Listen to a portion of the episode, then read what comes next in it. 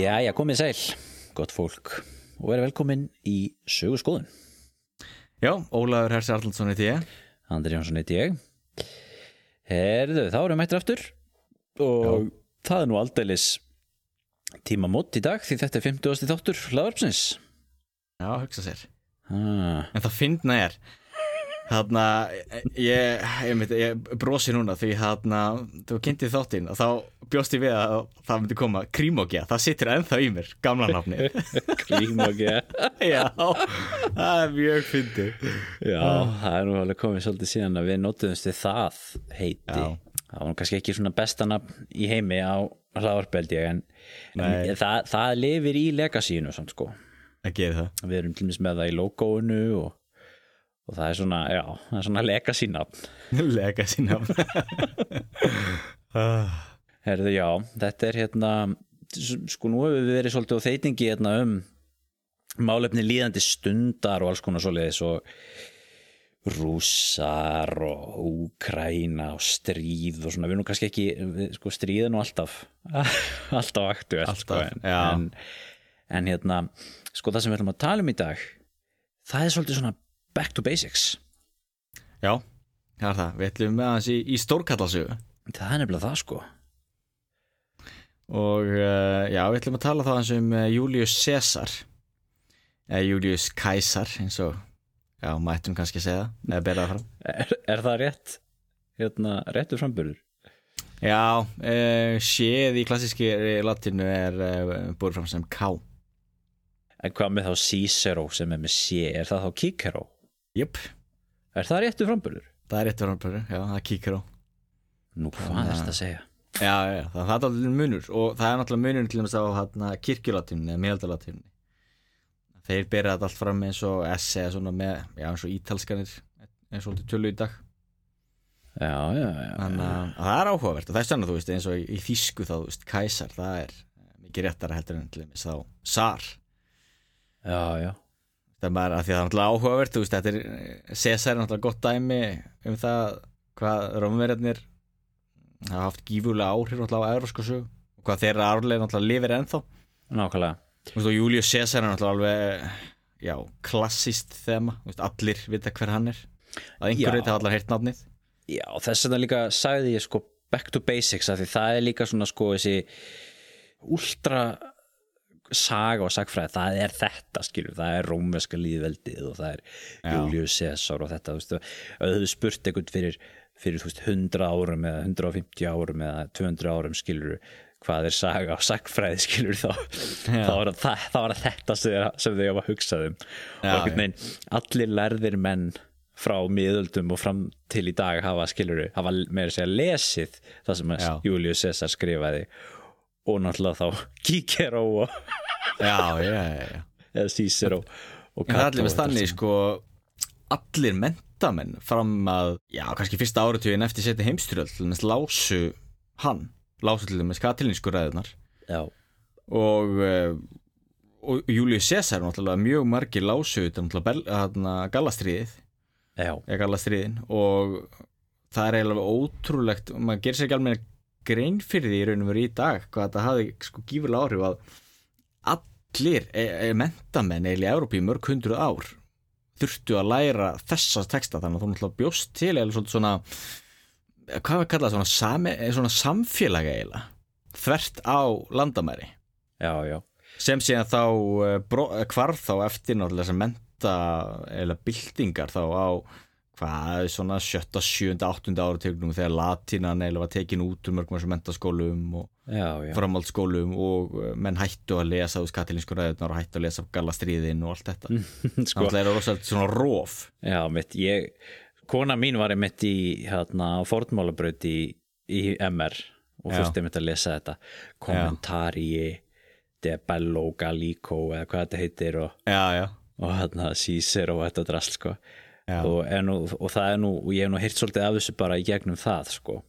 Já, en þetta er rosalega basic og ég held að það sé líka við hæfi þegar við erum að kera hér inn 50. þáttin á sögurskoðun eins konar afmælist þátt að við tölum um þessa erki sögu.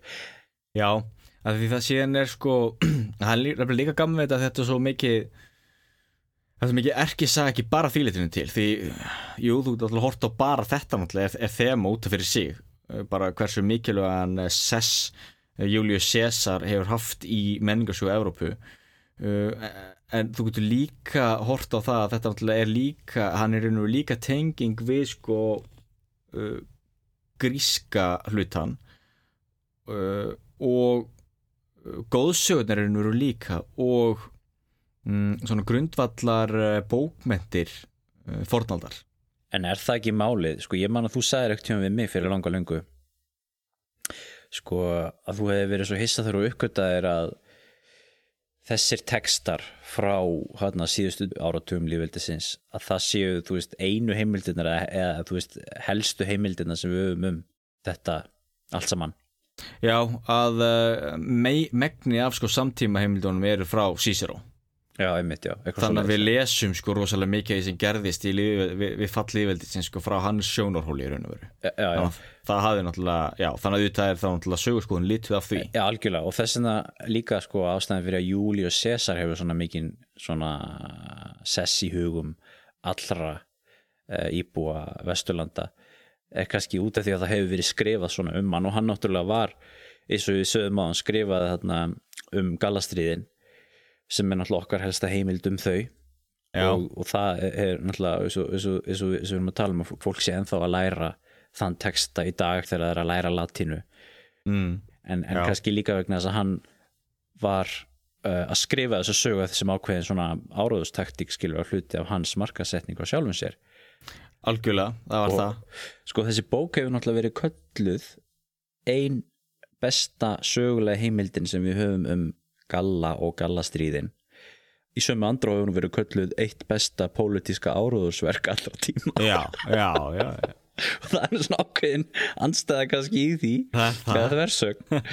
það það og, og kannski er það þess vegna sem að við vitum svona mikið um hann og hann hefur þennan sess í okkur sögu alveg sem við höfum talað um til dæmis með sturlungaöld skilur akkur, mm. akkur heitir þetta sturlungaöld skilur það er þess að það voru sturlungandi sem skrifuðu söguna já, já, já, algjörlega því það ætla að síðan náttúrulega lít- líka inn í þetta. Hann náttúrulega lagði grunninn að síðan keisaradæminu sem, sem stýrði þá næstu mörghutur ár.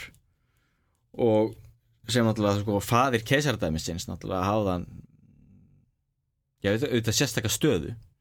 Þannig að það allir svo mikilvægt til þess fyrir Ágústus keisar auðvitað að, að halda þá nafni Július Cæsar á lofti sem var þá uh, já, faðir hans hann ekki líffræðilegur en hann ættleitt hann. Mm. En það sem ég ætlaði að skjóta inn sko með þarna tengslinn líka við Gríkland og uh, bókmyndir á fornmenningunni er það sko að Július Caesar var náttúrulega af þessari Júliun sko ætt sem Já. var ein af uh, megin ættum uh, rómarska líðveldisins og uh, var sér mjög forn og virt aðalsætt. Og þau ráku sko ættir sínar allt aftur til Tróju já, já, og til uh, Eneasar sem livði af trójustruðið og flúði frá tróju og hjælt til uh, uh, Rómar og endanum eftir miklar hremmingar. Og giftist þar og, og hana, var svolítið svona ættfaði Rómverða þegar Rómverða er litt á sig sem já, niðja og ártak á trójuborgar og ennfremur þá var sko móðir Eneasar var samkvæmt sögunni Afrodíta já, já, já. Afrodita eða Venus þá eins og Rómverðarnir kölluðu hana. Já, já, já. Og það er náttúrulega mikilvægt að voru það líka því það er náttúrulega það liggur þá náttúrulega í augum uppi að júlíanska ættin var þá af uh, já, Guðlu Bergi brotin Aha, já. Þú veist, jú, jú, þetta er þetta uppspunni og allt það en, uh, en þetta hafði, áhrif á sínum tíma og þetta er náttúrulega þemur sem síðan var spilað á setna þannig að þetta undirstrykka ennþá betur sko hversu mikilvægur kannski Július Cæsar er í evrósku sögu. Sko, að þú nefndir hérna í upphafi ég sagði við varum að fara back to basics og þú sagðir við erum að fara í stórmennasögu. Já, og hérna, það er oft, við erum oft stundum talað um það að, að, að það sem getur við stundum verið svolítið skemmtileg dýnamík og mitt okkar tvekja hérna er að ég er, ég er meira upptekinn að því að sjá ofan frá og niður á söguna en þú ert mjög áhuga samur um einstaklinga. Já, en sko e, það kom út bók hérna fyrir nokkrum árum síðan eftir einhverja félaga það sem þeir voru búinir að sko hún hétt hérna Who's Bigger? Where Já. Historical Figures Really Rank. Það sem voru búin að taka sagt, um, alls konar svona fræga einstaklinga í sögunni og raðum upp í lista yfir sko, hversu mikil áhrif þeir, þeir og þær hafa haft á, á söguna og þetta er auðvitað, auðvitað grundvallaratrið í, í sagnfræði sagfræðinni og í sögu sagfræðinar það er þetta skiluru að hversu miklu leiti ætlum við að fókusera á stórmenni og að hversu miklu leiti ætlum við að fókusera á samfélagslega struktúr og annað. Já, en á þessum lista sem er nú svolítið áhugaverður þegar nú nota eitthvað aðferði til þess að meta þetta þetta er ekki bara sakfræðilegar aðferði sko, þetta er nú líka upp og upp meira svona hversu miklir celebrities þetta fólk hefur verið sko. Nota alls konar aðferði til þess að rekna það út. En nummer eitt af þessum lista er Jésús já, nummer tvö er Napoleon Já. nummer þrjú er Muhammed já, uh, Shakespeare, Lincoln, Washington, Hitler, Aristoteles, Alexander Mikli og svo framvegis. Og okkar maður Július Caesar hann er hérna í 15. sæti á þessum lista og eftir Karl Marx og á undan Viktoríu Drottningu og Martin Luther og Stalin og Stalin, já, já. Það er áhugavert. En af þessum svona stórmennum já, þá höfum við fjallað hér sérstaklega um Napoleon já, og Alexander og Alexander líka, töluðum að Já. hann hérna sko. Já, og hérna þetta eru, fyrst, þetta eru þessar kanónur þessar stóru byssur í sögunni sko. Já. Og segir auðvitað svolítið mikið um veist, afreg þessa fólks en segir náttúrulega líka svolítið mikið um sko það er heimildi sem tilur um þetta fólk og hvað, veist, hvað áhrif og hva, hvað sögurskoðun fólk hefur á, uh, á því sko. Mm. Já, já, auðvitað. Og þetta er alltaf áhugavert með þarna bækur. Uh, það tilfullt af uh, titlum og lista yfir bækur sem uh, hafa glatast í, í sögunni. Og Já. maður bara veit um þar vegna að standa kannski á okkur lista eða einhver nefnir þar eitthvað þannig. En, en það voru þó bækur sem ekki lifðu af. Já, Og það er náttúrulega mjög áhvert að hugsa til þess auðvitað, þú veist, maður getur spurt sér af hverju lífið það er ekki af, hverju er þetta ekki skrifað nýður, hverju er þessi bók ekki færða áfram frá kynslu til kynslu, af hverju endaði þá þessi svona, já, líf bókarinnar, hún hafði þá ekki meira áhrif. Það er mjög áhvert oft fyrst mér að velta fyrir sér svona hlutum að því að náttúrulega hugmyndir hafa gífulega áhrif. Já, já. Og fólk er, þú veist, fullt, fullt af allafana hugmyndum sem það hefur og verið ekki hugmyndum hvaðan kemur en er svona hluti af bara daglegu lífi fólks. Og það er náttúrulega vegna þess að einhver staðar byrjaði einhver einstaklingur að hugsa og kannski skrifaði eitthvað og hafði áhrif. Og það er náttúrulega hangið saman með þessu, þú veist, það er fullt af auðvitað konungum sem hafa já, kannski áorkað heilmiklu og gert mikið en einhver hluti vegna lifðu ekki mm, sögurnar um afreikin þá náttúrulega gleymist það. Veist, eins og bara allir kongalistarnir frá Assyrjumönnum og eða Egiptalandi og Babilóni það er svo gamalt, það er svo fornt það er svona náttúrulega meiri líkur að það hafi glatast. Og meðan, já. Það getur ekki líka verið að sko, fólk hefur samfélögin hafa sögulegar fígurur í hávegum út af þeim relevans sem að þau hafa fyrir þau samfélög eins og við, eins og við, við, eins og við vitum að sagan eh, þjónar alltaf samtímanu sinum mm.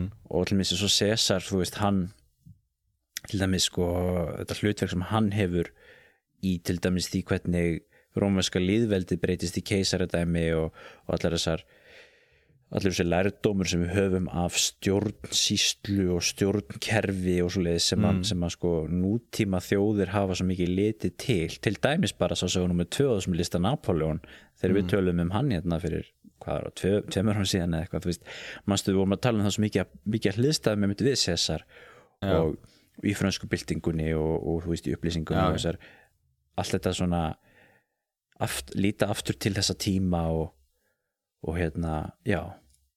Algjörlega og það er mjög góða punktur hérna þegar við það mm, César náttúrulega hafi gífurlega mikilvæg hlutverki að gegna í hvað sé þá samtíma águstusar þá sem tók við á hann og, stopp, og stopnaði raun og verið keisardæmið og þá náttúrulega livðu þetta hann sögulega minni hann og við sjáum það náttúrulega ennþann dag í dag bara í og, eins og keisari á íslensku það er náttúrulega bara César og Sar í rúsnesku og Kaiser í, í Þískalandi þú veist þetta sér maður þá náttúrulega hvernig hann mm, spilaði áfram hlutverk. Nákvæmlega. Og þá náttúrulega stóður við okkur líf það því til dæmis uh, Sulla til dæmis Já. sem var hann uh, eh, kynnslónu undan honum var til dæmis mjög svipar og gerði mjög mikið svipar hluti. Hann var einræðisherra og, og stýrði þetta öllu og, og fór og Cæsarinn voru fetaði hans spór Nákvæmlega en Sulla er ykkur sem fæstir þekkja vegna þess að hann lagði, enga, hann lagði ekki grunnina neitt í sko keisarafölskyldi sem hafði hagað af því að halda hans nafn á lofti. En ef að Sulla hefði skrifað eitthvað rosalega flottan texta um, um hernaðar afreg sín sem, a, sem að kynsluðu lærra manna hef, hafi síðan lesið uh, og eftir sko þá hafði myndur örglega allir vita hver Sulla var Já, til dæmis, og hann gerði það hann, sko, hann til dæmis hérna, barðist í Tyrklandi gegn hérna, Mýþrasi já, já, já. og veist, það er mjög, mjög áhugaverður hernaður en uh, þannig að hann hefði raun og verið að skrifa bók um, bók um það. En það er eins og þú segir, veist, hann gerði það ekki. Mm. ok, þá er hann sögulega minni mun takmarkaðara heldur minni Cesars Þannig að séru hvað áróður og markasetning hefur mikil áhrif. Já. Séu líka bara eins og, þú veist Steve Jobs eða eitthvað hann mm. býr til vöru sem var basically til fyrirfram en hann markasettur hann á býr til þess að sögu í kringum það og svo framvegis. Já, en það er þú veist gott dæmi um markasetningu og þetta er náttúrulega bara eins í sögunni. Hverjir eru á markasettir og hverjir ekki. Algjörlega, Martin Luther til mismastu Já. Hann notaði pressuna alveg þvílíkt og hann er bara sko, Martin Luther er stór merkilegu maður því hann gerði sér nefnilega strax grein fyrir því hvað prentvélinn er þið mikilvæg. Þannig að hann til dæmis uh, hún var oft bóðið sko háar upphæðir fyrir að gera sér samninga þannig einhvern veginn var engarétt á skrifumanns hann aftakkaði alltaf til þess að dreifa hugmyndin sínum eins og mögulega geti Já. en það er engin maður fyrir hans tíð sem við vitum meira um heldur en Martin Luther. Já Dr. Goebbels líka með þetta hreinu. Já, Dr. Goebbels líka með þetta hreinu. Herru, að máli máluna Július Cæsar Jóp uh, Hvað ætlum við að byrja þessa yfirferð? Já, byrjaði en hann um, Já, maður ekki skjóti líka stuttu líka hvað var það nafnið? Þetta er keisaraskurður. Það tengta sér líka. Já, það tengta sér líka. Ok Caesarian á ennsku, þú veist það er einmitt líka Kaisar eða Cæsar það er nefnilega þess að sko Plini eldri ja, hann heitir Plini á ennsku hvort sé, mann ekki.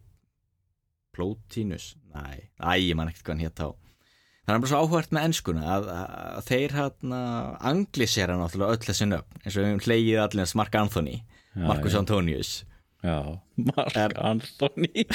Já. Það er mitt. En uh, allavegna hann held í fram að einhver sko uh, forfaðir um, Cæsars hafi verið Cæsat uh, uh, já, tekið með keisaraskurði. Já, ok. En, og þaðan hafi nafni komið. Að þetta, að því að rómverjarnir voru sko með þrjúnafn það var þetta eiginnafn, ættarnafn svo komið eða svona viðunefni að þannig. Og síðan urði þessi viðunefni arfgeng og festust svolítið í sessi. En um, síðan er aðrar hérna, hugmyndi líkum með að þetta er raun og veru vísi til sko auglitarans eða hárlitar og enn önnur kenningi snýst um það að hann hafi hérna, sigrað fíl eða drepi fíl í orustu mm. mann ekki hvort að Cæsar sjálfur átt að gera það í ykkur forfæðar hans. Mm.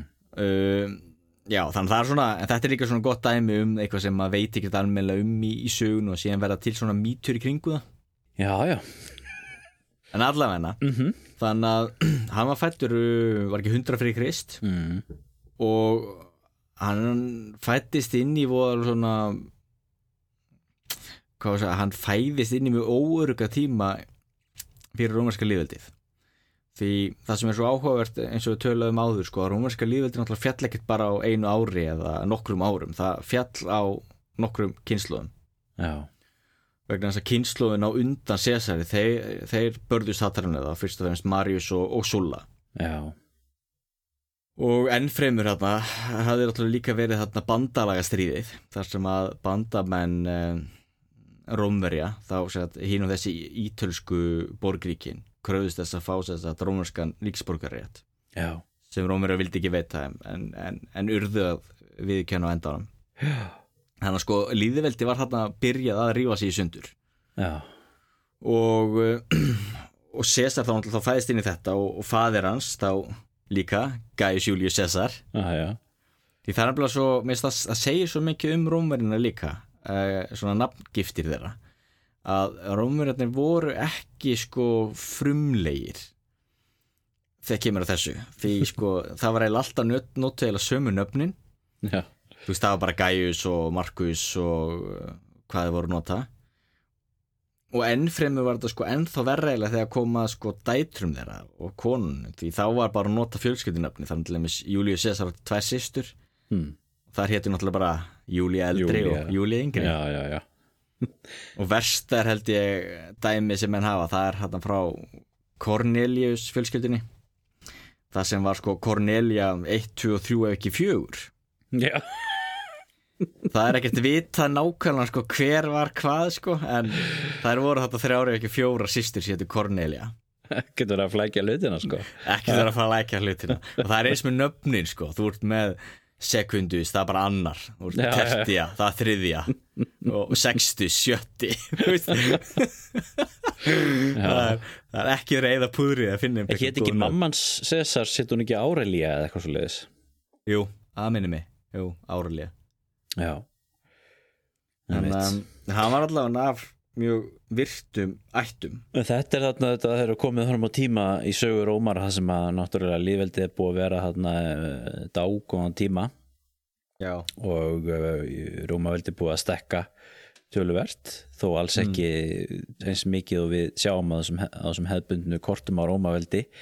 Rómaveldi er á þessum tíma náttúrulega koncentrerað í kringum Ítalíu skagan og, og, og á Spáni eh, náttúrulega eftir púnvesku stríðin er, er, er um, Karþagó í Norður Afriku komin inn í, inn í inn í þetta og náttúrulega Greikland og uh, Litla Asja mm. en ekki mikið meir en það á þessum tíma. Þessi stærstu landvinningar eins og í Östrinu og, í, og náttúrulega í Galli og það allt sem að kemur svolítið í þessum á þessum suðupotts tímum sem að ja, Cæsar fæðist inn í og, og eftir hans dag. Já og þessi útþensla líðveldisins hann gerur svolítið saman líka með sko falli líðveldisins því þarna gáttu metnaðgjarnir menn farið Já. þá út í hérna héruðin Já. sem voru þá til dæmis á Spáni eða, eða Tyrklandi eða hvað það var uh, gengt þær herþjónustu auðgast alveg óhemju. Já, unnið sér inn sko hlýðhóllustu hersins og snúið tilbaka og uh, tekið yfir. Og, og, og þvingað fram vilja sinn og það er alltaf það sem þessi menn gerðu eins og Marius og, og Sulla. Já. Og það er alltaf það sem að Cæsar myndi átt eftir að gera. Já, já. Þetta er alltaf gerast þarna þessum tíma sko. Já, Já, þannig að það er alveg sama tíma er sko líðveldið að rífa sig í sundur og þennja sig út. Já það nákvæmlega er að rífa sig í sundur og það verður að veikja sko það innviði líðveldið sinn stjórnskipun og slíkt með borgarastríðu en samt er rómversku heriti það sterkir að þeir eru að leggja undir sér lönd út í heimi. Já, og uh, og sko faður hans Cæsar og, og fjölskyldan hans var eiginlega svolítið á móti eða lendi upp á kant við hann Sulla sem uh, snýri þá tilbaka og uh, náða að já, náði að um, já, knýja það fram að hann er því lístur sem einræðisherra. Já, diktator. Diktator þannig að og, og Sull og, og fadir hans Césars lést þegar að César var ju bara eitthvað um 16 ára gammal þannig að allt í unni þá var César orðin höfu fjölskyldunar og, og stýrði þá fjölskyldunni. Og Sulla ætlaði að láta taka hann af lífi. Já. Sko Súla hann er kjörin ræðismæður árið 88 fyrir Krist. Og uh, 82 verður hann diktator eða alræðismæður uh, og 79 þá leggst hann í Helganstein þannig að þetta er þá tímambili sem að hann er við völd þarna, þessi áratugur þarna. já, og hann er náttúrulega algjör svona tærand hann lætur fangelsa og myrða fólk og og hérna sína pólitísku anstæðinga og er svona þessi diktator fyrirmynd kannski svolítið. Já bæði fyrir algjörlega. náttúrulega setjum tíma en náttúrulega líka fyrir þetta Július Cæsar sjálfan sem hann náttúrulega hann læði svolítið grunninn að þessu þessari stjórnsýslu sem átti eftir að koma setna meir. Hann gerði það. Og, uh, og eins og bara þetta að snúa tilbaka eftir uh, glest, glestan herleðangur með uh, hlýðhólla menn og vassana fulla af peningum. Og, og, og þvinga fram vilja sínum já, í Róm er náttúrulega eitthvað sem César eftir að gera nákvæmlega það sama.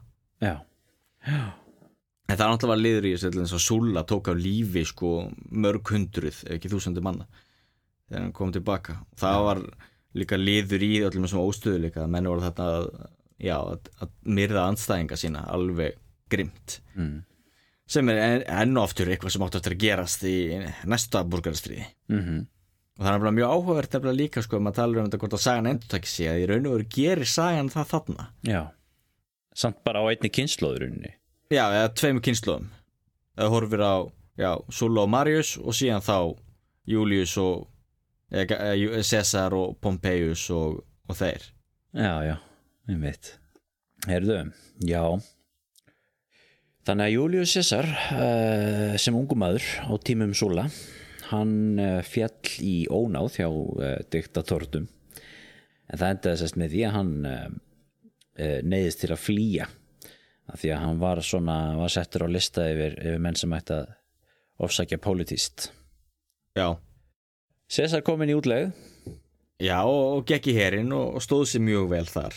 Mm og uh, já, og síðan líka áhugavert að það var líka orður um að þess efnis að hann ætti þarna í ástarsambandi við uh, við þá konung þarna í Tyrklandi. Emmitt, Nikomedes, já. Já. En síðan uh, veit ég það er ég hef heyrt það. Ég, það er svona verið að listan hjá mér að kynna mér það betur að, að César hafi verið sko mm, hvað maður að segja, lifað miklu svona munaðalífi til að byrja með. Uh, og hafi hérna nótið þess að vera í miklu veislum og og uh, já, einhver uh, já, ég hef heyrt það líka að hann hafi verið kallaður líka sko allra kvenna maður og allra manna kona. Allra manna kona. Já, einmitt. ég selja ekki dýrinni kefti það sko. Ég veit ekki hver eh, í hvers heimildum maður getur fundið það, það en, en það er allavega við vitum það allavega rómverjarnir allavega lögðu stundan allavega rosalega svallveislur í sko, ekkert bara kynlífið líka bara í mat. Það, það var borðað og borðað og svo allt til svo getur borðað meira. Veit. Já, hann var uh, allavega hana, eitthvað undir uh, Nikomedes kominn hana, þegar hann var fyrir austan í herþjónustunni. En þetta var svona orðrómur sem gekk líka setna meir, ég veit ekki hvort það sé satt en, en hérna eh, það var til minnst gert grína Cesari setna eftir að hann var orðin frægur að var ekki sagt Cesar lagði Galla en Nikomedes lagði Cesar. Þannig að það allavega verið lífi kringum hann fyrir það? var sprottið svona orðrumar Já, en um, hann allavega þjónaði vist mjög vel og stóð sér vel í hernum og, og síðan náttúrulega hann lést Sulla 79 fyrir Krist. Mhm. Og uh, þá náttúrulega var aðal þá andstæðingur Césars og náttúrulega ástæðan fyrir okkur náttúrulega að flýja allt í unnu fallin frá. Mm. en þá náttúrulega leitaðist hann að leitaðist við að snúa aftur heim til Rómar. Já, en það sem er áhugavert einmitt við það sko því hann komst heim til Rómar eftir að hafa verið í hérna, Tyrklandi. uh, lagði þar stund á uh, ræðumennsku og lögfræði. Mm. stóð sér mjög vel og síðan ætlaði hann að halda til Rótos. Já, Rótos, já. Að ha- þá átt hann að fara í nám hjá þessum gríska þræl þarna sem að hafði mitt kent var það ekki. Cicero sem að lærði af honum Jú. líka ræðumennsku og... já, einmitt, já, hjá þeim þá uh, já, mælskumanni. Já, mælskumanni en það sem er áhugavert einmitt við það sko að hann alltaf var þá tekið til fanga. Já, á sjóræningjum af sjóræningum minnst alveg geggju saga. Þú veitir þetta ímyndaðu hvað þetta er búið að storma samt líf eiginlega fram að þessu. Já, þannig þetta, þetta var ákveð vandamál hérna við Sílisíu uh, sem er hérna síðusti hluti það sem við kallum í dag Tyrkland við bótt miðjararhafs undan ströndum Ký, Kýpur þar var mikið um sjóræningja á þessum tíma, sjórán. Og þetta var ákveð vandamál hérna sem að var gekk yfir í langan tíma sem að var síðan tekið það var ekki Pompeius sem að tók og skrúaði fyrir þetta svona eitt skipti fyrir öll. Já, það var plága. Og af öllum að þá var Július Caesar her tekinn til fanga af þessum sjóræningum. Nei. hann er náttúrulega mjög stór karakter og, og hérna, mjög skemmtli saganæði þegar hann er, er, er hérna, tekinn til fanga og verður svona fer, fer svona fljótlega bara að stjórna þeim eins og þeir séu síni menn. Já, Július Cæsar náttúrulega var svo ættgöfugur og hérna, mikill stórkalla að hann einmitt uh, tala alltaf til sjónaringin eins og þeir væru honum óæðri og væru hans einmitt undirmenn eins og segir. Já, og það finnst mér sko að sjónaringin höfðu svolítið gaman á þessu. Já, Já, sagan segir allavega það og, og ennfremur að Július Cæsar sko hjælt ræður fyrir þá og, og var að tala við þá um sko hinn og þessi málefni og kallaði þá síðan barbara og villumenn þegar að þeir kunni ekki að meta hvað þú voru flotta ræður hjá honum. Svo var hann farin að spila við þá og taka þátt í alls konar íþróttum með þeim og Já, sagði þeim að þegja þegar hann vildi hafa hljótt og vildi fá frið til að kvíla sig og sagði þeim að hafa hljótt. Hugsa sér. Og síðan ennfremur það sem er líka áhvert og það er svona já, var ekki svo spurt sig hvort að þetta séu setja tíma íkjur eða hvað en allavega þegar þeir ætla að byggja um sko 20 talentur gulls mm þá græðist Júli, neða sagði Júli Cæsar að það var alltof, alltof lott verð. Þeir þurftu að byggja um var ekki hvað 50 minnst 50 sko, minnst 50 fyrir mig. Já, sem leist það gæld þeir fyllist á það. Já, sagðan það góð. Já. hann var keiftur út kom aftur, safnaði saman flota fann á þann sem þeir voru ennþá á staðinu þess að þeir höfðu verið að fela sig. Og krossfestið á alla með tölu reyndar eftir að hafa skorið á háls og undan. Og hengdi þá síðan dauða upp á krossin. Já. síndi smá miskun hugsa sér. Já, já, það segir náttúrulega voða mikið um hann. Já, að sko já, það er alltaf rosalega harka. En hann er náttúrulega alveg uppi voðalega já, í voðalega hörðu samfélagi. Já nákvæmlega. Þá upp úr þessu þá séðan þá byrjaði hann hennar pólitíska ferilsinn og það sem er svo áhugavert með sko hvað kallað, jú, rómurska pólitík. Mm. er að hún náttúrulega var sko gjörspilt uh, á nútíumæri hverðan á þessum tíma svo sem var það ekki spilling kannski ef, ef að, að það náttúrulega var hluti af leikreglunum. uh, og ekki það veist, í, dag kallið svo sem ekki spillingum að kalla það lobbyisma eða eitthvað þannig. Já, þá er það í lagi. En um, hann þá þú þurftur að kaupa allir með embætti. Þú þurftur að og, og ennfremur þú ert búin að fá embætti þá þurftur að eyða kannski sko gífurlegum fjárhæðum í að kaupa atkvæði þú kannski keift atkvæði á allavega mismönd át, þú kannski borga hreinlega fyrir þau bara með peningum eða þú kannski keift mat eða þú kannski haldið leika þú kannski uh, já, látið byggja einhverju byggingar og slíkt mm. Þannig að hluti að því að byrja sko sín pólitíska feril var þá einmitt að steipa sér skuldir og, og byggja hvort hann byggði ekki hérna eða leta endur bæta veg þannig að fólk myndi sjá hvað hann var að gera fyrir, fyrir borgina Já. Og síðan bara halda brauð og leika fyrir líðin og kaupa atkvæði. En sko, hann var ekki hann svolítið í því að mála sig upp sem, sem svona mann fólksins?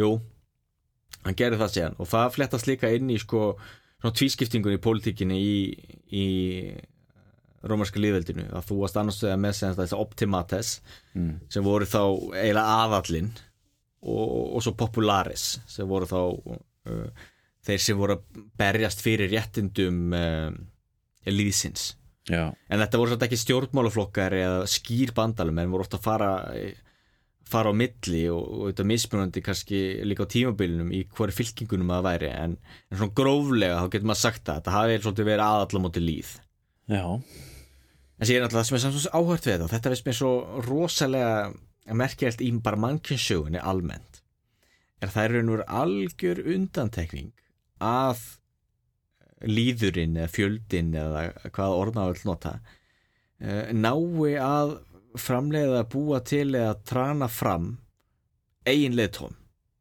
já, því það er eiginlega alltaf þannig að elitan eða aðallinn að einhver einstaklingar þaðan verði leðtógar alþjóðunar og það var allir þannig alltaf í Rómaveldi að til dæmis skrekkusbræðunir sem, sem kannski er svona byrjunin á þessu sem við talaðum um áður. Og, og Július Caesar, þetta voru náttúrulega aðalsmenn af sko einhverjum elstu og valdamestu aðalsættum Rómaveldis sem voru þá að berjast fyrir líðin og halda á lofti já, auðvitað réttundum líðsins.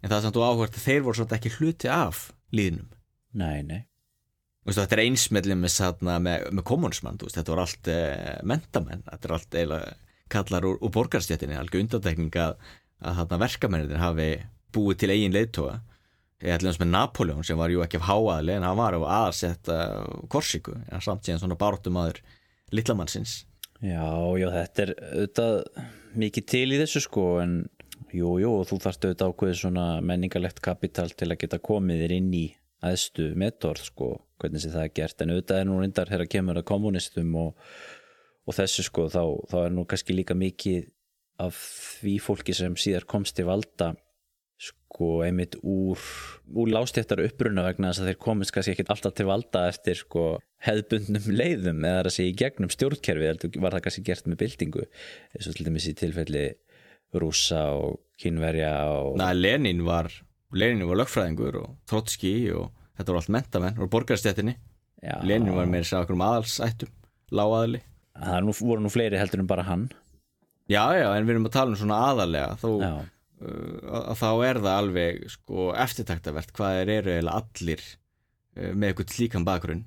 Gramski til dæmis, hann var ekki þú veist það er eiginlega algjör undantekning að menn hafi verið sko bændur eða verkamenn í versmiðum og rísið upp, Já. það er alltaf einhver sko utan að sem hefur það eitthvað mentun og tilherir í raun og veru sko já, okkur um aðeins að, aðeins sko betursettur samfélagshópum sem næri einhvern veginn að beisla almúan það er allir þema sem rennur alveg í gegnum sko, rómarsku sögu. Og þetta er náttúrulega líka svona í dag veist, í, í politíkinni bandaríkjónum maður svona verður alltaf að nefna aðeins að það er náttúrulega vinsalt að bera sér saman við sko við eh, rómarska líðveldi það er náttúrulega líka klassíst í sögunni. Já, já, algjörlega. Og veistu hversu margir pólitíkusar í bandaríkjónum til dæmis er ekki sko baróttum að litlamannsins en eru komin í einhverjum vell auðum forréttinda fjölskyldum og ættum. Já, já, Og Július Cæsar var mjög flinkur að spila á, á allt þetta, hann var með flott nafn af Guður ætt, hann hafði uh, sannað sig sem, uh, sem já, duglegur og góður herrmaður og ennfremur var hann sko mikill uh,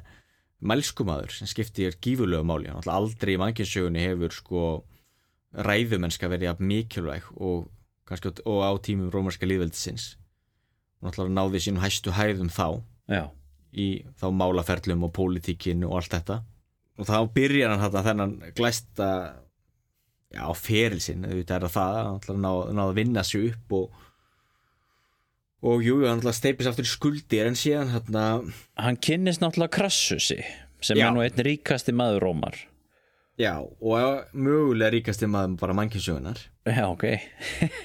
Það var stóra alveg nefndi, alveg var, já, hann var stjartfræðilega ríkur alveg stjartfræðilega ríkur. Þá hlutfallslega. Já, og líka hefur bara reiknar allt sem hann á sko inn í þá hvað raunverið dagsins í dag og horfir á þú veist gulli og þrælan og landbúna allar jarðirnar sem hann átti hann átti jarðir sko stórar ekrub um allt miðrhaf Já. Hann rak sitt eigið slökkulið Þú hérst að því. Já, Það sem hann, það er nú svona blöytu draumur allra frjálshyggjumanna Það var ekkit Það var ekkit ofinbært slökkulið Þetta var krassus bara með sitt eigið engaregna slökkulið Svo mætti hann á sveiðið og þegar húsið var að brenna og Böðist þess að kaupa húsið á brunarútsölu já, og ef menn sögðu nei þá brann húsið niður en, en ef menn sögðu já þá kom her af þrælum og slökti eldin og svo seldi hann húsið áfram eða legði það eða eitthvað. Þetta var góðu business hjá honum. Já. Allavega. Allavega þannig að þeir kynnast einmitt já, og síðan það sem er, svo áhugavert og það er svona þessi spilling sem jú var ekki spilling vegna þess þetta var nú löglegt á tímur Rómaveldis að eins og þarna var hann náttúrulega búin að steipa sér skuldi til þess að kaupa þetta embætti og kaupa atkvæði. Og til þess að losna úr því að þá náttúrulega þurftur embætti annar staðar að embætti sem gæti gert ríkan. Já, og þá fekk hann einmitt sko stöðu þá á Spáni þar sem hann gæti þá farið í eitthvað hernaða brölt og leggja undir sér landsvæði stela gulli, selja þræla. Já, en til þess að geta gert það þá þurfti Crassus að, að selja eða að borga eitthvað að lánunum og svo tryggja önnur. Já. Og þannig byrjast þessi vinátta sem átti þetta að skipta miklu máli setna mér já, það er gott að eiga ríkan haug í horni. Og þarna byrjar þá eiginlega Cæsarsson á sínu svona hernaðabröldi þarna náttúrulega fekk hann þá hermenn og gatt þá nota þá til þess að leggja þá síðan undir síð þá norðvesturluta spánar. Já, þarna ertu komið með þetta munstur það sem Já. að þú ert með öflugan stjórnmálamann Skástrík Hermann já, sem að vinnu sér inn auð í gegnum gegnum það að stekka veldið, Rómarveldi líðveldið, já. Já, og það sem er svo áhvert líka við þetta er að sko þetta er og veru ekki miðstýrð útþensla. Nei. Því þetta eru sko, þetta eru einstaklingar sem er ákveða að hrinda staðikunum hernaði. Og jú, þetta þurftu er að hafa svo sem ákveðna blessun kannski frá senatinu og menn gáttu ekki gert nákvæmlega hvað þeir vildu. Nei, en menn höfðu samt tölvöld frelsi. Það er mjög áhugavert eins og þarna að þarna gætt Cæsar bara hafið hernað á Spáni og lagt undir sig og, og sangaði sér auð og unnið hérna hotlustu hermana sinna og þá alltaf styrtan rosalega sko sín persónulegu völd. Já. það alltaf mjög hættult fyrir líðveldið já, og það væri ótrúlega til dæmis í dag ef já, þú getur einhvern veginn keftir embatti eða þú væri til dæmis eh, já, í franska hernum og sem getur barist eitthvað í Mali og hvað er og stólið gulli og, og fílabeini og eitthvað og, og, þú veist, sangað að þér fjármagni og fara sér aftur heim til Fraklands og vera nákvæmlega. Það er komið aftur heim með her og tekið völdin. Nákvæmlega, ef ekki það. En Cæsar kemur aftur úr þessu uh, með her og á að fá svona já, í Rómaborg. Já, svona sigurgöngu. Sigurgöngu í Rómaborg. Og það er svolítið aðteglisverð flétta sem á sér stað þá að því þá er verið að kjósa konsul eða ræðismann. Jú, þegar að Kato, nei var ekki Kato sem var með málþófið? Jú, í öldungarráðinu eða í senatinu. Já það sé hann flettast náttúrulega inn í þetta náttúrulega voru allan reglur uh, að því þrátt fyrir allan herna útenslu og þá náttúrulega þurfti náttúrulega líðveldið einhvern veginn að verja sig. Og já, það var menn gerðu sér auðvitað grein fyrir hættunum við það að treysta ákveðnum borgurum fyrir svona miklu valdi. Já, og það sem menn höfðu reynd að gera þá var að áður en þú stegst fæti inn í Rómaborg eftir uh, að hafa verið þá út í hernaði að þá þurftur að segja frá þér þá herstjórnina. Þannig að þú snérir aftur sem almennu borgari. Emmitt þannig að þú helst ekki inn í borgina sem hersöðingi eða eitthvað slíkt já, og þá var vandamálið þarna að þarna hafði hann unnið sér eins sko réttin til þá sigugöngu en til þess að nýta sér það þá þurfti hann að vera mm, hersöðingi. En hann gæti ekki tekið þátt í kostningun sem ræðismæður eða búið sér fram sem ræðismæður sem hersöðingi. En hann gæti ekki notið sigugöngunar sem almennu borgari. Hann þurfti að velja hann þurfti að velja hvort hann vildi frekar hafa sigugöngunni eða hvort hann vildi uh, bjóða sér fram sem ræðismæður og þess skal auðvitað geta þá auðvitað sigurganga er náttúrulega eitthvað sem að er alls ekki á valdi margra að fá. Mikið hleyður auðvitað. Já. Og ég man ekki, var ekki krafan að þú ert að drepa x marga anstæðinga Já, ok. Það minnir mig. Þessar sigurgöngur þá komið þér með fangana í búrum og, og, og Já. allt þetta. Og gullið og Já. allt hvað það var og náttúrulega tekið fagnandi af hérna, rómerska líðnum og auðvitað í þessu svona hálf líðræðið samfélagi já, þá hafði það náttúrulega heilmikil áhrif að, að sjá auðvitað mann þarna halda í síðgöngu þá náttúrulega fegstu auðvitað mikið meira svona pólitíst eh, kapital. Algjörlega. Að það var auðvitað mjög að vega og meta. Algjörlega Já, en César hann hefur metnað að fyrir því að bjóða sér framsæraðismann á þessum tíma. Og sama tíma og hann stendur fyrir utan borgina að þá eiga sér stað heitar umræður í þinginu. Já, og hvað eru menn að ræða þar? Já því hérna stakk hann ekki upp á því að, að fá að, að bjóða sér fram sem samt um, In absentia. Já, þá fjárverandi fjárverandi, já, og málþóið og deilurna snýrst svolítið um það hvort þetta leifunum það eða ekki. Einmitt þarna var Kato sem var sérstaklega gegn því. Einmitt, Er þetta ekki Kato eldri? Nei, er þetta Kato yngri? En Kato er, er mjög þekkt nafn í allar þess- þessari sögu. Og að minnum að þetta hérna er örgulega, jú, þetta er yngri vegna þess að eldri Kato var hann sem sagði alltaf að að lókum leggja til að Karthagó byrjaði eyða. Mhm. Og hérna, þeir voru sérstaklega þekktir fyrir það að beigja sig aldrei. Þeir voru rosalega stífir mjög uppteknir af eh, rómerskum gildum og hefðum og voru voðalega ósveigjanlegir. Já, og, og, og Kato yngri þá var auðvitað mjög náttúrulega af þessu orðspóri sem það þurfti að halda upp og þannig handlið með fyrirleitt allt sem var gríst og gríska menningu. Já, já, já og, og talaði um það að hann hefði bara lagt eitthvað stund á það í, í ellinni en hann lærði grísku sem ungu maður og gæti alveg tala grísku en, en hann, hann neitaði að, að tala grísku tala bara latinu þegar hann eitthvað skipti fór til Greiklands já, já, já, hann hafði mikla ímugun á, á, á gríkjum og var mjög hrættur um það að grísk menning væri að spilla e, rómurum það er líka mjög áhugavert maður horfir alltaf á þarna, þetta grísk-rómeska sem svona mikið sam, svona kurl og já, já. Voðalega mikið hérna, samspil þarna og blanda og svona, þetta var það þannig en, en þú varst alltaf með rattir í, líka í Róm sem voru mjög uh, gaggrinnar á þetta og Kato er gott dæmi um það. En Kato er nú, er hann ekki einn af þessum stóisistum? Jú, hann var það líka. Sem er nú, er nú kannski á upprun er nú svolítið hellenísk. Já, hún er það og það sem er, það er svo áhugavert við það sko, þetta að hann fyrirleitt jú uh, gríska menningu en, og heimsbyggju og allt það en uh, freystingin var samt svo stóra hann uh, gæti ekki láta hann að vera. Nei, nei. Því hann laði stund á st stóðsismann og, eh, og, jú, og lasju þetta gríska bókmyndir og, og kunni grísku og, og slíkt. En var alltaf mjög gaggrinni út í það. En ekki það er mörg svona kannski svona haturs ástarsambönd í mannkinn sögunni. Uh, kristindómurinn hefur ofta verið í svona haturs ástarsambandi við til dæmis helnismann Með hellenismann, já. Herðu, César verður þó á endanum ræðismadur Já, hann valdi það. Hvað er ræðismadur nákvæmlega? Hvað völd höfðu ræðis, ræ, ræðismenn á þessum tíma í rómanska lífveldinu? Já, sko, það var þannig að það voru alltaf tveir ræðismann menn og þeir voru valdir bara í ár í senn. Já, Já, það er mikill munur á því að vera bara með eitt ár eða, eða fjögur eins og við erum náttúrulega vön með líðræðskiparinn svona er í dag. já, já En uh, ræðismenninni gáttur lagt fram hinn og þessi lög Já, sem uh, menn segja þá kusu um hvort það ætti að samþykja eða ekki.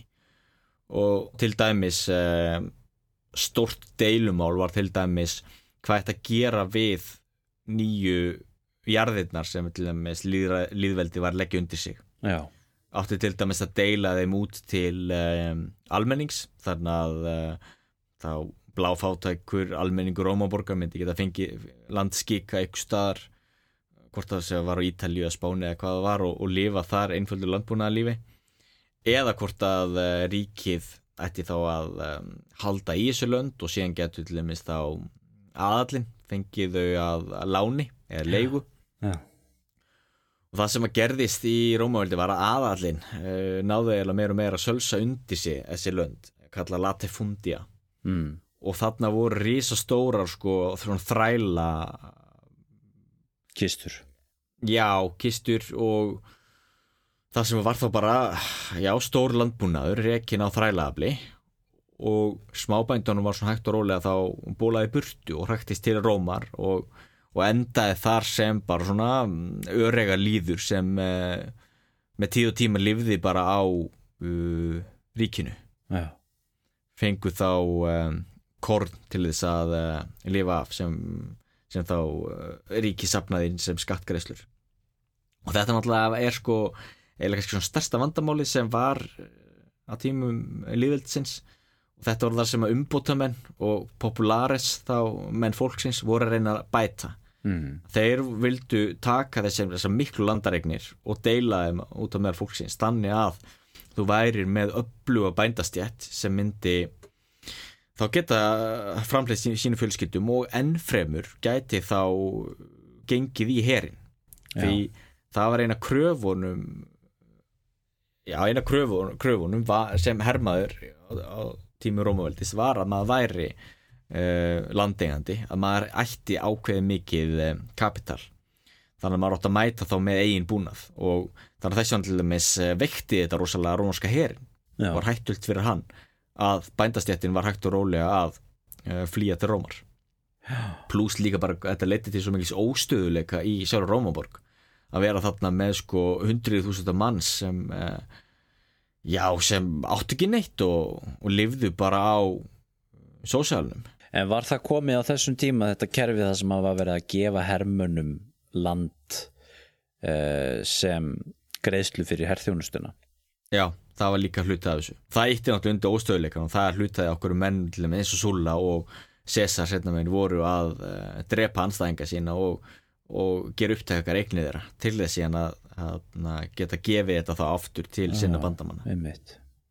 Þannig að það voru sko gífurlega stór samfélagslega vandamál í, á tímu Rómavelds á þessum tíma og mískipting auðs var eitt af kannski svona stærstu samfélagsvandamál Já, að henni ríku voru ávalt að verða ríkari og, og öregarliðurinn bara óks og óks.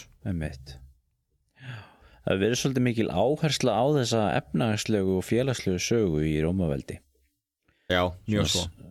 mikið verið að fjallum þessi málefni. Já, það er líka svo einsætt að, að því að þarna hefur maður svo mikið heimildir. Einmitt og, og það er alveg einsætt að því að eftir og fyrir ertu ekki með þú hefur ekki ja, aragrúa heimilda. Og það er alveg þess áhört, veist, ég lesi alveg ótrúlustu sko, textar sem að lifað af, menn hafa verið að finna sko bókald frá bóndabæjum og verslunum og hvað það er já, sem hafa geta veitt mönnum þá svona insýn inn í bara hvernig svona daglegt líf var. Hvernig Já. var allir með að reka hvað við segja ólífubú eitthvað staðar. Eða, eða hvernig var rækta hvern- hvernig var svona, hvernig hafði almennu bóndið það? Þetta er náttúrulega stórmerkilega reymildir það er það alveg stórmerkilegt. Og síðan líka pluss allt annað þú ert náttúrulega með eh, bara peningan þess og peningakerfið. Og þú getur séð á öllum peningunum sem voru slegnir hvernig það getur náttúrulega gefið vísbendingar um hagkerfi og hvernig fólk hafið það. Uh, hversu mikið korni var útdeilt til fólks. Það var náttúrulega hlutað allir með sákuru Egiptaland var lagt undir sér setna mér það var til þess að tryggja náttúrulega kortbyrðir og Já, já, og halda liðnum góðum heima í Róm. Og það er alveg svo bara mikilvægur hluti af bara daglegri, daglegum rekstri ríkisins var síðan að framfleita þessum öregalíð já einmitt. Nákvæmlega, allavega. En Cæsar eh, árið 60 eh, eftir Krist þá er hann eh, Cæsar kjörinn konsúll eða ræðismæður og hann er er þar kjörinn með öðru manni um, Biblikus eða eitthvað svo leis Biblius. Bú, Búbilus. Bíbulus? Nei. Bíbulus, Bíbulus. En hafið stöndan hann allavega þeir eru tveir kjörnir hann í senn eins og þú komst að, hérna, að, að, að þeir, þeir eru tveir, tveir aðeins í eitt ár í senn og þeir voru hann að Cæsar og uh, Bíbulus uh, Bíbulus var svona íhaldsmaður maður uh, aristokratana en Cæsar er hins vegar maður fólksins rosalega vinsæll. Og þessi stuttu tími sem að hann er konsul þarna þá er í rauninni hann eitt sem ræður þessu öllu saman af því að Bíbulus er bara þarna með og fær að vera með neitunarvaldi sitt. Já, og múurinn er algjörlega með Cæsar í liði. Og Bíbulus er hafður að háði á spotti út á götu og það tala um að það verið kasta skít í hann og eitthvað svolítið sem enda með því að hann hafi bara lokað sér inn í það sem eftir var og þetta var basically bara Cæsar sem stjórnaði. Já, já, já. þú veist, pæl- pældi í þetta svona múgæsingur skilur og veist, kannski er þetta svolítið svona svipað þú veist, þessu þegar Adolf Hitler var kosin fyrst sko, Mm. fattar já, já. þú veist, hann er kosin líðræðislega og er með einhverjum öðrum líðræðislegum uh, stjórnmálumönnum í stjórnskilur en það er samt einhvern veginn hann fangar upp alla aðteglina sko. Já, já, er, er einhvern veginn aðal maðurinn og langu vinsælastur þetta sem er alltaf áættan oft við, við líðræðið og svona múin. Og þess vegna er ofta áhugavert að setja það í samingi þegar menn er ofta að tala um svona kannski til dæmis í dag að pólitíkin sé, sé ljót og, og menn sé að segja hitt og þetta og sé ekki viðeigandi og slíkt að, að þá er það oft mjög að, eða setur hluti oft mjög í samhengi að, að kynna sér aðeins svona hvernig pólitíkin var áður fyrr. Nákvæmlega, eins og þetta, þú veist, það kasta skíti eftir honum og, og síðan var líka þannig þú veist, þeir bíbulust til dæmis hann hrinda stað einhverjum verkefnum og, og gritti eða fyrir þau en síðan var það Cæsar sem fekk sko allan hróðurinn fyrir. Og það já. einhvern veginn að taka yfir þetta þannig að hann fjall algjörlega í skuggar á hann já, og það rómersk pólitík náttúrulega var voðalega uh, já, var voðalega harnskjuleg og ljótólt oft já, já. En svo er líka annað þessu sem að við komum nú aðeins hérna og þú nefndi Krassus Já. ríkasta mann sögunar já, en um, svo bætist uh, við þennan vinskap uh, Pompeius sem að við nefndum hérna já, og úrverður þríegi já. Pompeius er náttúrulega mjög mikilvægur uh, karakter í þessari sögu og kannski svolítið sorgleg svolítið sorglegt hvernig fer fyrir honum. Já, Pompeius var á þessum tíma hann er hérna, mikill herfóringi, hann er vonar stjarnar liðvildisins áður en að Cæsar gerist það. Uh, Pompeius hafði fengið sigugöngu fyrir hernaðin hérna í í Pontus gegn Mithridatesi var það ekki? jú. Þegar hann var bara sko 25 ára gamall eða eitthvað. Já, já, og hann var talin besti hersöðingi allra hersöðingin í Róm. Og þessir þrýr uh, öflugustu menn Rómar ríkasti maðurinn öflugustu herfóringin og síðan meistari múksins Július Cæsar í staðan fyrir að berjast á mótukúraurum þá mynduðu þeir með þessi pólitísk bandalagum að skipta upp öllum völdunum. Já. Þarna sér maður náttúrulega líka þarna, um, svona veikleikan í, í, í kerfinu. Að þannig gáttu bara þrýr einstaklingar tekið yfir í raun. Já, og jújú, jú, þetta var það náttúrulega erfitt að viðhalda þessu, þessu bandalega því þetta voru mismöndi hagsmunur og svona en samt að bara þrýr menn gáttu svona tiltölulega auðveldlega komið saman og, og verið sammála um hver er að bjóða sig í hvað embætti og hvernig ætlu að haga hlutónum og svona, náttúrulega síni hvað líðveldi var orðið veikt að þessum tíma. Já, og síðan náttúrulega líka áhört með Pompei að hann hafði í rauninni eiginlega bara verið í hernum og, og rísið þá upp í gegnum herin þannig að hann til dæmis uh, kunni ekki á mm, senatið og, og pólitíkina. En hann hafði aldrei verið í því. Einmitt en dátti hann síðan náttúrulega eftir að láta þá spila svolítið á sig. Já, já, en svo er það þetta sko hann komið eins betur að því eftir auðvitað þegar, þegar kemur til kastana sko en, en það vil verið nefnt að hann hafi verið svolítið svona herrækamur hann kom og svona sópaði upp sko þegar aðrir voru búin að vinna sigurinn. Já, og til dæmis eins og Krassus sjálfur sem að einmitt var náttúrulega þessi ríkimaður sem hafði ekkit mikla reynslu og hernaði á þessum tímubúndi, hann hafði til dæmis tekið það að sér að fara og sigra Spartacus sem var þræla uppreist á Ítalíu. Og enginn vildi taka það að sér vegna þess að þú veist, þú færði, ekkit upp úr krafsunu fyrir það. Nei, nei. Og hann mætir á svæðið og ber niður uppreistnina og síðan kemur Pompeius á eftir og, og þurkar upp og tekur svolítið sigurinn fyrir það. Já, þannig að þetta er svolítið aðtegli aðtegli verið karakterar hann já, þetta er það. Og, og Pompeius varð síðan maður getur alveg sagt að hann hafa orðið tölur trókafullur því hann haf, sagði það alltaf sjálfur hann þurfti ekki annað að gera en bara stappa niður fæti og þá myndi spretta upp legíónur í kringum hann. Já, þannig að hann ofmetnaðist mjög, mjög svo út af náttúrulega auðvitað að ákveðin leiti náttúrulega með réttu. Maðurinn náttúrulega hafiði unnið mikla sigra jújú, jú, svo getur maður auðvitað að fara í saumun og hvernig þessi sigrar voru unnir og allt það en það var alltaf hann sem fekk heiðurinn. Og, og það náttúrulega var hann voðalega litaður því að það var endalist verið að mæra hann og hann fekk svona mikið lof alltaf fyrir. Þannig að hann hafði tröllatrú á því að, að hann hefði fleiri hermenn heldur en hann kannski í raun hafði þegar síðan reyndi Mm. á. Já, það er líka alltaf áhugavert. Þannig að hann svolítið misreiknaði sig sem við getum já, tala bet, betur um setna að koma á borgarstríðinu. Nákvæmlega. En César hann er þá sem sagt konsúlinn já, og uh, náttúrulega í því um, embætti sínu náttúrulega uh, hjálpar hann vinnum sínum tveim. Og þetta bandalag köllu við þrýstjóra bandalagið eða triumvirate. Já, og uh, hann er í þessu embætti í eitt, eitt ár en um, það er nú að ímislegt misjaft sem hann tekur sér fyrir hendur í þessu, þessu embætti sem verður til þess að óvinnir hans, sínu pólitísku óvinnir, þeir ná uh, svona það er að klína alls konar skít á hann. Og hann er búin að vinna sér upp sakir sem að gera það verkum að, að hann um, já, á á hættu að vera saksóttur. Já og það er hérna mikilvæg hluti af sko stjórnsýslu uh, rómarska líðveldisins það er þetta að- meðan þú sast í embætti að þá var ekki þetta sæksækjaði vegna þess að þá varstu sér satt með ákveðið vald þá frá fólkinu og, og sem tilherið þá þessu ofinberaða ríkinu. Og þá varstu fyrir þelgur en leið og þú uh, hættir þá í því embætti og varst aftur almennur borgari þá var þetta saksækjaði Já. Það gefur auga leið náttúrulega það kerfi líka er svolítið snúið því þá er náttúrulega uh, heilmikils pressa á menn sem vita að þeir hafa gert eitthvað á sér eða vita að þeir eiga an, öfluga andstæðinga sem vilja einmitt ná, ná höggi á þá.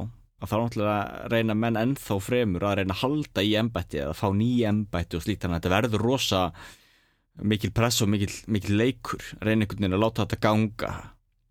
Mm En er þetta ekki eins með bandaríkja fósita í dag? Var ekki mitt máli með Trump að það var ekki hægt að það byði eftir honum ykkur alls konar saksóknir þegar hann myndi snúa úr fórsetastóli Jú, það að hluta til en það er Nixon líka? En það er samt líka með að þú getur náttúrulega sett á líka fyrir veist, eins og eins og að reynda að gera með Trump og eins og að gert með Bill Clinton Já, en það þá kemur þá frá ríkjun en það er alveg rétt, en það er það náttúrulega þannig að, rómurska líðveldi náttúrulega er fyrirmynd uh, bandaríkjana þannig að bandaríkin er í rauninu verið ekki þarna democracy eins og maður kallar á ensku heldur er þau republic. Og, og það er alveg mikilvæg munur þar á. En það þú þarft ekki að gera annað en bara ef maður, maður þarf að horfa á það næst þegar að þarna, einhver bandarækjafórseti er að tala við, við þingið þá er svona faskes sikkur megin við hann, svona já. og svona knippi í kringum þær sem er er- þannig að þeir eru mjög upptekna voru mjög upptekna að þessu náttúrulega. Þessir, þarna, þessir, þessir founding fathers sem bandarækjamenn eru alltaf að tala um. Já, já, algjörlega og maður getur auðvitað þetta er náttúrulega þessi þingmund, þingbundna uh, konungstjórnar arfleið sem við höfum uh, sem er þetta Westminster mótel á meðan að bandaríkin eru náttúrulega með sitt líðræðið þetta úr, úr, úr frá átjóndöld og maður getur sem ímynda sér ef að Napoleon uh, hefði ekki verið yfirbugaðar ef að franska líðveldi hefði bara þróast áfram þá hefði kannski það verið Já, ennþá með eitthvað svona symbolík frá, frá þessu. En það var líka annað. Þú gast heldur ekki verið saksóttur ef þú varst að stjórna her sem að eh, senatið hafiði sendið til að stjórna.